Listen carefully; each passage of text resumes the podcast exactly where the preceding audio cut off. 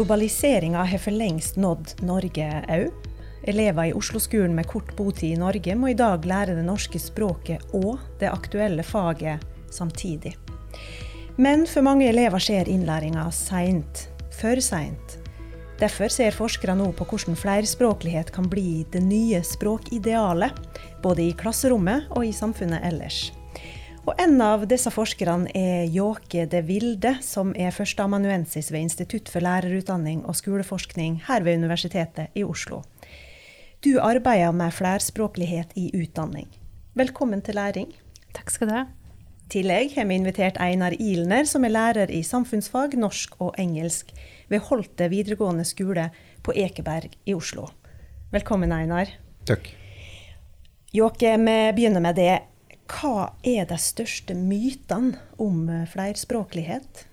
Det er jo mange mm, myter når det gjelder språkopplæring, og hvordan man lærer et språk på best mulig måte. Og kanskje den største myten er at eh, hvis vi tenker i en norsk kontekst, at jo mer norsk vi pøser på, jo lettere vil det være for elevene å lære norsk, og jo raskere vil det gå.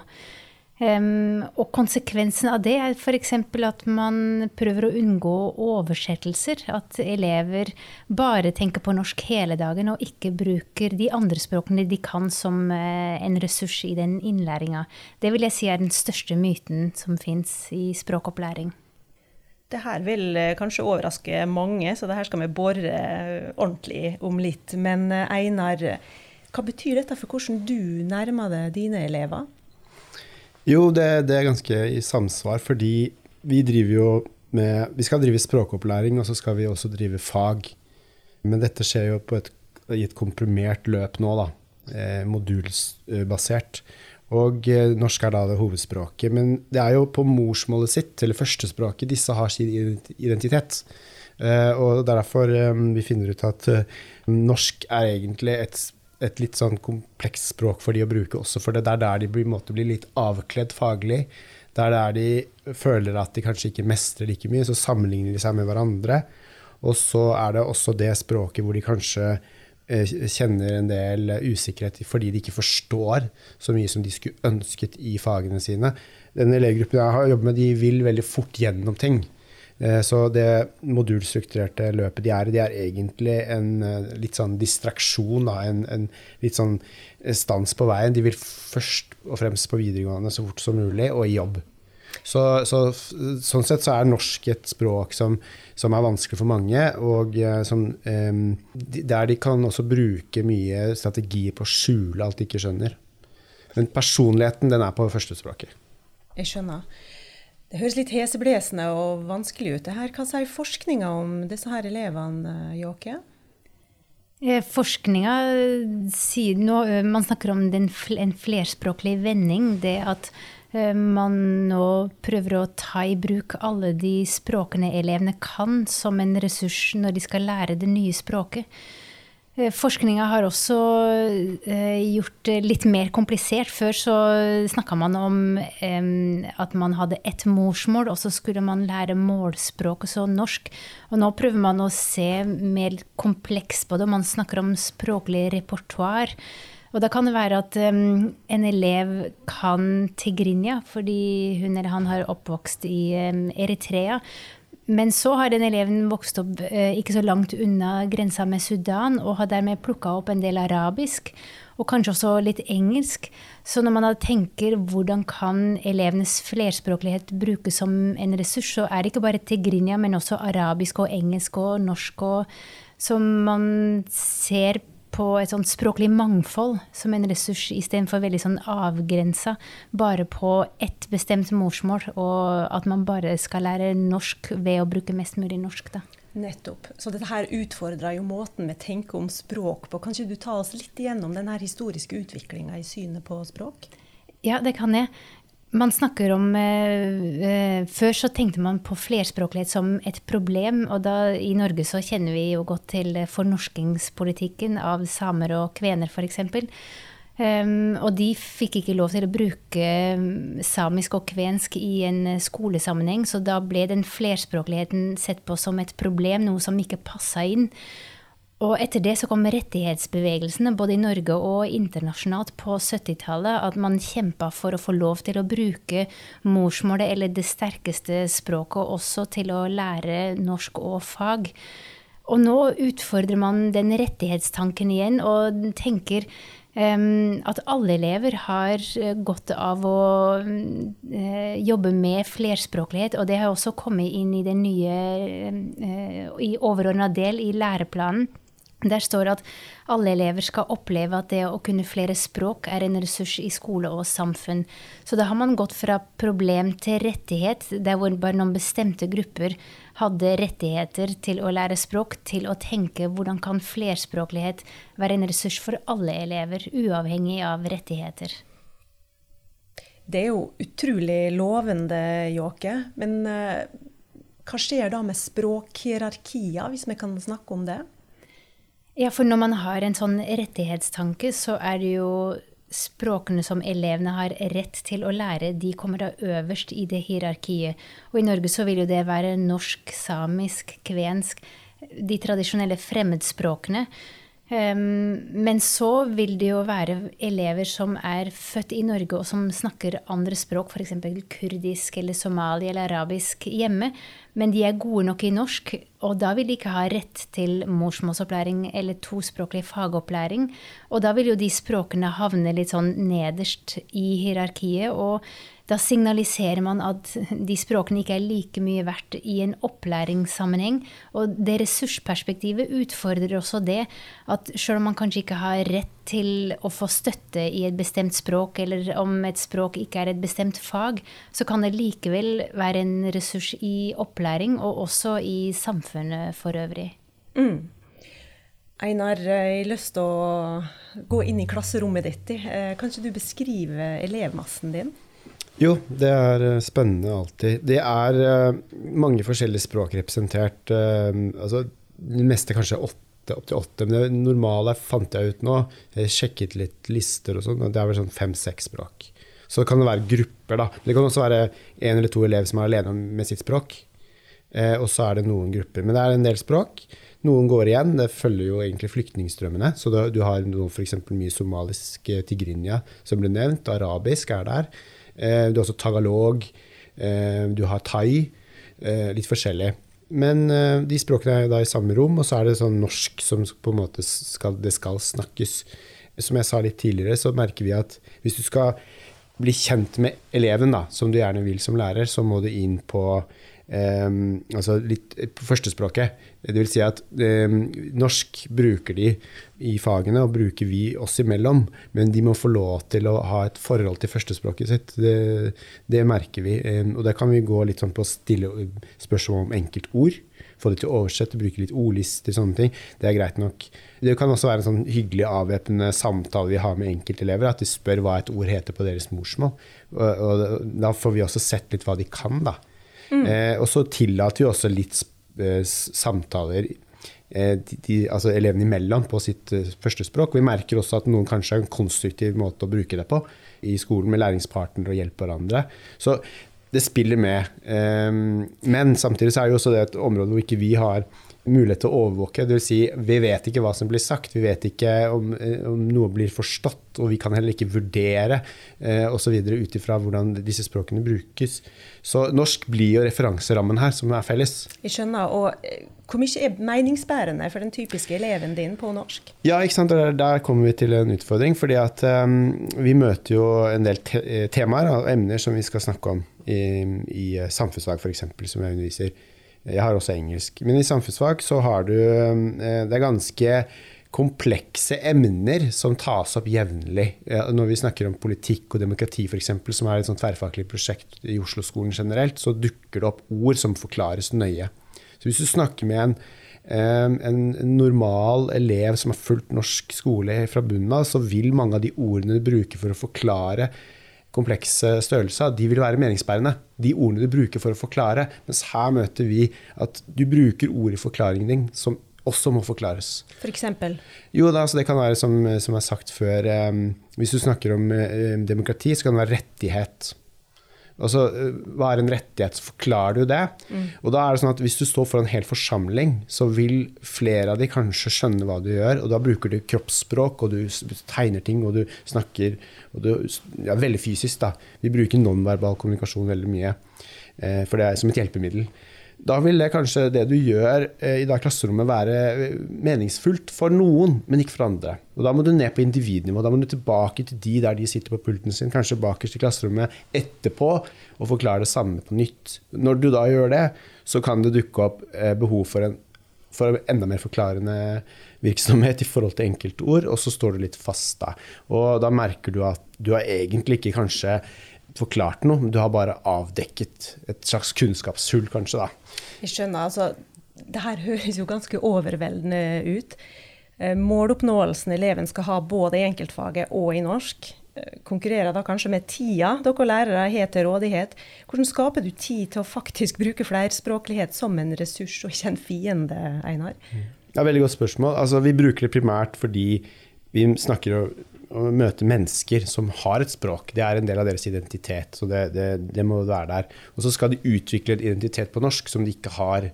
Og Den identiteten er litt vanskeligere å forholde seg til. Og så er dette ungdom, da, som gjerne har sine utfordringer som unge. Og så er det, fler, er det flerkulturelle aspektet. Da, at de kanskje har eh, eh altså én identitet hjemme som, som, er litt annerledes enn den de har ute, osv. Så, videre, og så, videre. så det, det, det er ganske sammensatt vi får aldri nok tid. Det er ingen som får til dette 100% Det er ingen som føler at de mestrer dette. De som føler at det er mulig å gjøre, er gjerne de som ikke driver med det. Eh, for å si det litt eh, på spissen. Ja, jeg skjønner. Jeg tror vi går til Jåke igjen. Hva sier forskninga om tid? Ja, tid er kanskje det som er mest undervurdert i språkopplæring for eh, den type ungdommer. Um, så vil jeg også si at det å bruke flerspråklighet som en ressurs vil ikke ta mer tid. Det er bare en annen måte å jobbe på. Det må du um, forklare oss. Ja. um, man kan jo tenke at eh, hvis man uh, som lærer underviser alt på norsk, så når man alle elever på en gang fordi det er fellesspråket. Mens når man f.eks. setter i gang et gruppearbeid og man lar elevene snakke i språkgrupper, så er det mulig at, man, at det er fort gjort å tenke at ja, det vil jo ta tid, for det er en gruppe på somali og en gruppe på arabisk og en gruppe på vietnamesisk. Og så etterpå så må de rapportere tilbake på norsk. Da vil man jo ha et sånt mellomledd. Men som Einar sier, så er det jo veldig mye med at disse ungdommene trenger å jobbe med forståelsen. Så det å mm, ha flere innganger til et tema, det er også på et språk de kan, og så oversette. Og det er igjen den derre oversettelsen. Det vil ta tid, men det er vel anvendt tid. Men det er klart at det å mm, lære et nytt språk og fag samtidig, særlig for de som har mangelfull skolegang av ulike årsaker, det er helt umulig å ta inn den tida. Det vanlige er jo å si at det å lære et nytt språk og kunne bruke det i en skolesammenheng er mellom fem og sju år. Og det er klart, det er jo lang tid som ikke går an å forsere. Det er lang tid, ja. Vi skal holde oss litt eh, lenger til forskninga, Jåke. Er det andre utfordringer knytta til flerspråklige klasserom enn tid? Ja, jeg tenker at Når man åpner opp klasserommet sitt for flerspråklighet, så vil det dukke opp en del andre problemstillinger som man plutselig må forholde seg til, som man ikke måtte da man bare hadde norsk eh, som undervisningsspråk. Og en av de utfordringene kan være når man har elever, eh, f.eks. ti som snakker arabisk, og fem som ikke gjør det å skape godt samhold i klasserommet, og at de arabisktalende ikke overtar, eller at de andre ikke føler seg utestengt. Så i et uh, forskningsprosjekt som jeg har gjennomført i voksenopplæringa, sammen med Ingrid Roderick Weiler nå nylig, der hadde lærerne løst det på den måten at de satte de arabisktalende bakerst i klasserommet, og da kunne de samtale i grupper om et bestemt tema. Og så hadde de lagd noen mindre grupper, kanskje med noen som kunne somali. Men de som kunne somali, kunne også litt arabisk, så de satt i nærheten av hverandre. Og så hadde du en gruppe med en som snakka tagalog, eh, ei swahili og så et annet språk, som da kunne sitte i nærheten av læreren. Og læreren snakka da mye på norsk, men kunne også oppfordre dem til å bruke de andre språkene. Men det syns jeg var en veldig god måte å løse det på. Men plutselig så dukka det opp en annen problemstilling. Så det krever jo at læreren er kreativ og hele tida tenker løsningsorientert. Mm. Einar, kjenner du igjen i det her? Absolutt. Og det, det med kreativitet er eh, interessant, for det må vi bruke. Vi må være ganske sånn eh, spontane og um, elastiske da, på mange måter i å forklare ting og vise ting. Altså, vi har prøvd alt sånn f.eks. å hoppe over en strek på gulvet, hoppe eh, over bekken etter vann. Ja. For noen så er det nettopp det som skal til for at de forstår hva du mener. For andre så er det en klovn som bare hopper i klasserommet. Så, så, vi må på individnivå. Men vi bruker alle sånne knep uh, hele tiden. Og, og, gjerne stille spørsmål om enkeltord for å avgjøre om de har forstått. Og så bruker vi mye visuelle eh, hjelpemidler. Og det merker kanskje er enklest for å forklare ting. Um, og det kan være komplekse størrelser eller fenomen eller, eller uh, ting som, som uh, et bilde sier umiddelbart. da. Um, med det som et hjelpemiddel og på sånn individnivå, når vi, når vi har f.eks. en sånn mer sånn individuell fagsamtale i klasserommet, da føler vi kanskje at vi når personene best, og også da eh, kanskje det eh, der vi skal læringsmessig. Da, at, vi, at, de forstår det vi holder på med. Så da, mm. da, blir det på en måte sånn at du setter i gang et felles opplegg så godt du klarer, og så instruerer du på individnivå. Så går du rundt og passer på at folk forstår det de skal, gjør det de skal, og så snakker vi sammen én og én om ting og har samtaler. og Det er ufarlige. Da er det ikke så vanskelig for de å være med hvis de føler at de ikke blir vurdert, hvis de blir på en måte avkledd, at de ikke kan noe. Så de samtalene er kanskje det nærmeste vi kommer. Og de foregår da med støtte i de, i de, forskjellige språkene, fordi de kanskje kan forklare ord. Vi viser dem hvordan de finner ordlister. Det er litt utfordrende at det finnes digitale ordlister på de fleste språkene, men ikke alle. Så, så, men de bruker vi som et bevisst hjelpemiddel og viser hvordan man, man kan uh, finne altså, altså støtter vi med ord til bilde osv. Så, så det er masse verktøy som vi kan bruke på klassen som helhet og på individnivå. Men, men det krever da selvfølgelig at vi, at vi, er også kreative hele tiden og ser nye utveier. hele tiden. Hvordan kan jeg prøve å forklare dette så du forstår det? Mm. Men hvordan skaper du samhold i en sånn klasse? For én ting er å sette arabisktalene for seg, og, ikke sant? Altså, og, men hva med samholdet, eller hva, hvordan Sørger du for det?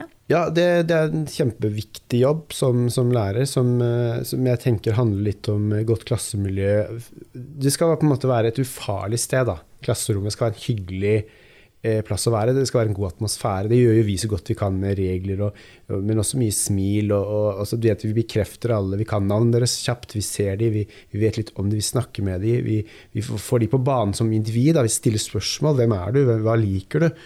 Og osv. Så litt sånn ufarlige ting som, som, gjør at personen kommer fram.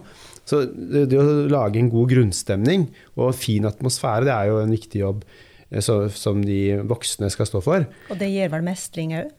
Det tror vi også skaper et, eh, en ro rundt ting, som gjør at du kanskje i større grad kan få mestringsfølelse. Også hvis du vet at eh, det er en ny dag på skolen, og da kommer læreren til å se meg, stille meg spørsmål, prøve å hjelpe meg, bekrefte meg, forklare en gang til hvis jeg ikke forstår akseptere at det ikke gikk i dag, osv. Så, videre. så det skaper mestringsfølelse, som er på en måte det vi ønsker å få frem. Da. Og da blir det også litt sånn mindre stress kanskje for mange å gå på skolen. Og også kanskje lettere å innrømme at de sliter litt i enkelte fag. Da. At, eh, at matte er vanskeligere, engelsk eller hva som helst, fordi de ikke har hatt det så mye før, faktisk. Noen har jo for, altså, lite skolebakgrunn, faktisk, pga. diverse ting. Nettopp. Jåke, hva sier forskninga om det, om eh, hvordan å skape mestringsfølelse i en så variert eh, elevgruppe? Ja, jeg tenker at eh, Einar er inne på noe veldig viktig, det med å ha fokus på enkelteleven.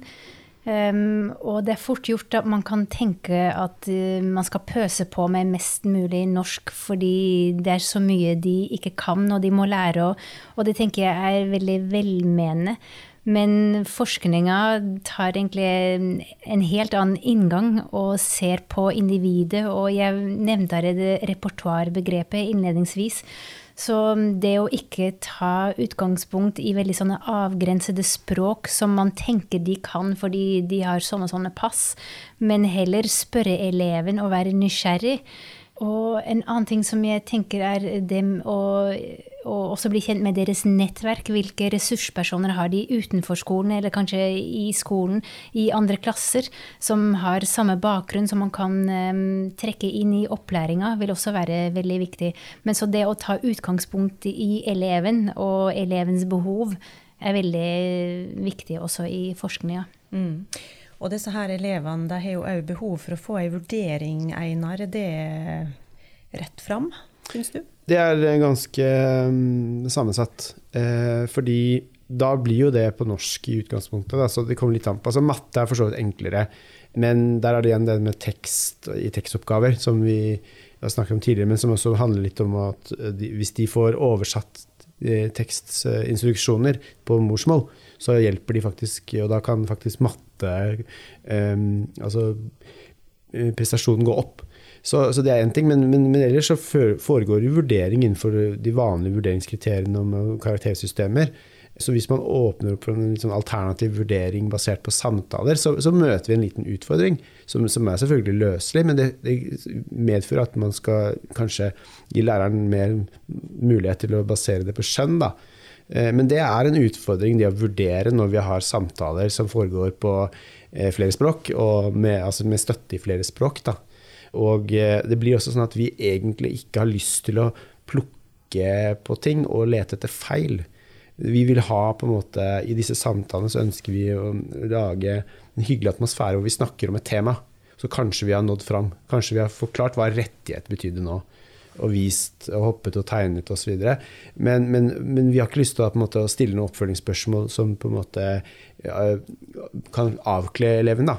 Eh, så der er det en utfordring. fordi hvis vi tenker kunnskapskrav som finnes i landet, og som faget har, så skal jo vi også på en måte avgjøre om du har forstått hva en rettighet er. Da. Men vi merker jo det at hvis vi omformulerer spørsmål, så kan hele forståelsen ramle fullstendig for noen. Og det, er litt sånn uheldig situasjon. Så vi ser at det, er vanskelig å vurdere rettferdig når du um, har elever som strever fælt med å uttrykke forståelse og kunnskap på, på, på, norsk. Og at i disse samtalene vi kan ha, så kan det være veldig mye nyttig faglig. Men, men når vi skal vurdere, så, så, så, er det en utfordring. Og så kan man også gli hen i at man blir litt snillere og slappere med, med kriteriene sine. Det vet vi erfaring med, med, folk som har jobbet med denne gruppen i mange år. Det merker vi på vurderingssamlinger, at vi vurderer litt snillere. Nettopp. Og det er et interessant tema. Mm. Jåke, er, er, du kjent med det her? Ja, vurdering og flerspråklighet mm. er jo jeg håper å si, et gryende felt. Det er fortsatt mye som må skje der alle på feltet er enige om at det å bare vurdere på norsk, at det, da får man jo bare vurdert en del av kompetansen til elevene. Og så tror jeg også Einar er inne på noe viktig, det med underveisvurdering. At det er veldig mange muligheter der. Også til å vurdere på andre språk. Men det er klart det er en utfordring. Så som lærer så må man kanskje tåle å ikke kunne forstå alt i ja, altså, en periode. Nettopp. Og jeg lurer jo litt på, fordi Einar er jo norskspråklig, eh, norsk er morsmålet ditt. Hjelper det om læreren har andre morsmål enn norsk? Ja, jeg tenker jo at hvis man kan eh, samarbeide med flerspråklige lærere i en sånn vurderingssituasjon, og jeg tenker også at korona har eh, åpna opp for mange nye muligheter å bruke fjernundervisning og samarbeide med flerspråklige lærere som kanskje ikke er på det stedet man underviser på sjøl. Det er klart Da åpner man jo opp for ja, en, et stort tema, både med undervisning og vurdering. For det vil jo være lærere som ikke kjenner elevene nødvendigvis så godt. Så det er en del andre ting som kommer inn der. Men jeg tenker at det med det digitale at det skaper mange nye muligheter for flerspråklighetsfeltet, som jo blir veldig interessant å følge i framtida. Mm. Har dere tenkt på det, Einar? Ja, altså vi har testet ut flerspråklighet, sånn flerspråklige lærere. Det som er litt ulempe da, er at uh, du får kanskje ikke de kontinuiteten du ønsker. Fordi det er prosjektbasert, og det kan være ett år her og ett år der. Og så, og så er det også det personer. Uh, så det å treffe f.eks. hvis du trenger en flerspråklig på et bestemt språk, en som har samme fagbakgrunn, og da behersker altså det, det, er ikke sikkert at det er så lett å få uh, aktuelle søkere, men, men, absolutt nyttig. Vi ser også at det er masse hjelp i læringsteknologi og digitale muligheter her. F.eks. For, så på arabisk finnes det masse videoer om matte og naturfag på YouTube. Gratis tilgjengelig. Da vet ikke vi helt, de som ikke kan arabisk, hvordan det funker. Men vi merker jo at eleven forstår ting. Så det er f.eks. evolusjonsteorien eller altså vi snakker om rettigheter tidligere, sånne ting kan forklares. da. Så vi prøver alt mulig rart der ute også som hjelpemidler, eh, og, og, bør gjøre det. Eh, og de fins. Men, men, det er klart at vi kommer tilbake til norsk som, sånn, som et vurderingsspråk uansett. Det gjør vi. Mm. Ja, Vi er jo i en eksperimenterende fase, kan vi vel si. I Oslo-skolen er det registrert mer enn 220 språk, og jeg vil anta at tallet blir omtrent det samme på landsbasis. Nå vet vi at dette kan være ei gave. Dersom vi lar denne språkrikdommen blomstre, så, blir, eh, så, kan alle bli litt rikere. Ikke bare på fagkunnskap, men på sjølforståelse, forteller du, Einar. Men hvordan kan da f.eks. samfunns- eller naturfagslærere med språkrike elevgrupper eller foreldre med språkrike barn bidra? Hvilke råd vil dere gi til andre som ikke har prøvd ut det som du har prøvd ut, f.eks. Einar? Jeg tenker at Det viktigste er som ble sagt tidligere, at vi må se individet. Vi må se personligheten, og vi må ha en respekt for den. Og en, og en, en litt sånn ærbødig holdning mot den personligheten. Og tenke at fag, språk, altså norsk, da, det er ikke noe som skal, som skal på en måte avkle deg som person. Du er ikke karakteren din. Du er noe bak karakteren din. Og vi må også ha respekt for at identitet for mange av disse er noe som formes, og at den identiteten er ikke forankret i norsk først og fremst. Så vi må gå litt bak språket, altså norsk også, for å se hvem det er. Men jeg tenker at uh, en, en, respekt for personen, og, og, prøve å nå personen i faget, er viktig. Ja, okay. Jeg, jeg tenker at um, Når det gjelder flerspråklighet, hvis jeg skal tenke foreldre og lærere og elever og alle, um, og senke skuldrene litt. For um, det er jo mange som kan få høye skuldre av de høye kravene og tenke at de må være perfekte i det ene og det andre språket. Um, også som lærer at man plutselig tenker at må jeg da kunne alle de fem-seks språkene som er i mitt klasserom? å senke skuldrene og være kreativ og ta utgangspunkt i individet og tenke at språk henger sammen med identitet. Og det vi vil, er trygge ungdommer, trygge flerspråklige ungdommer. Så tror jeg man kommer veldig langt. Lave skuldre og trygghet, det er veldig bra avslutning, syns jeg. Tusen takk, Jåke De Vilde og Einar Ilner, for at dere kom og viste oss hvor berikende flerspråklighet kan være i klasserommet og ellers. Takk til det som hørte på denne episoden av Læring. Jeg heter Monica Bjermeland og har gjort research sammen med Magnus Heie. Produsent er Shane Colvin. Du finner læring på Det utdanningsvitenskapelige fakultets nettside eller Facebook-side, og på Spotify og iTunes. Vi høres.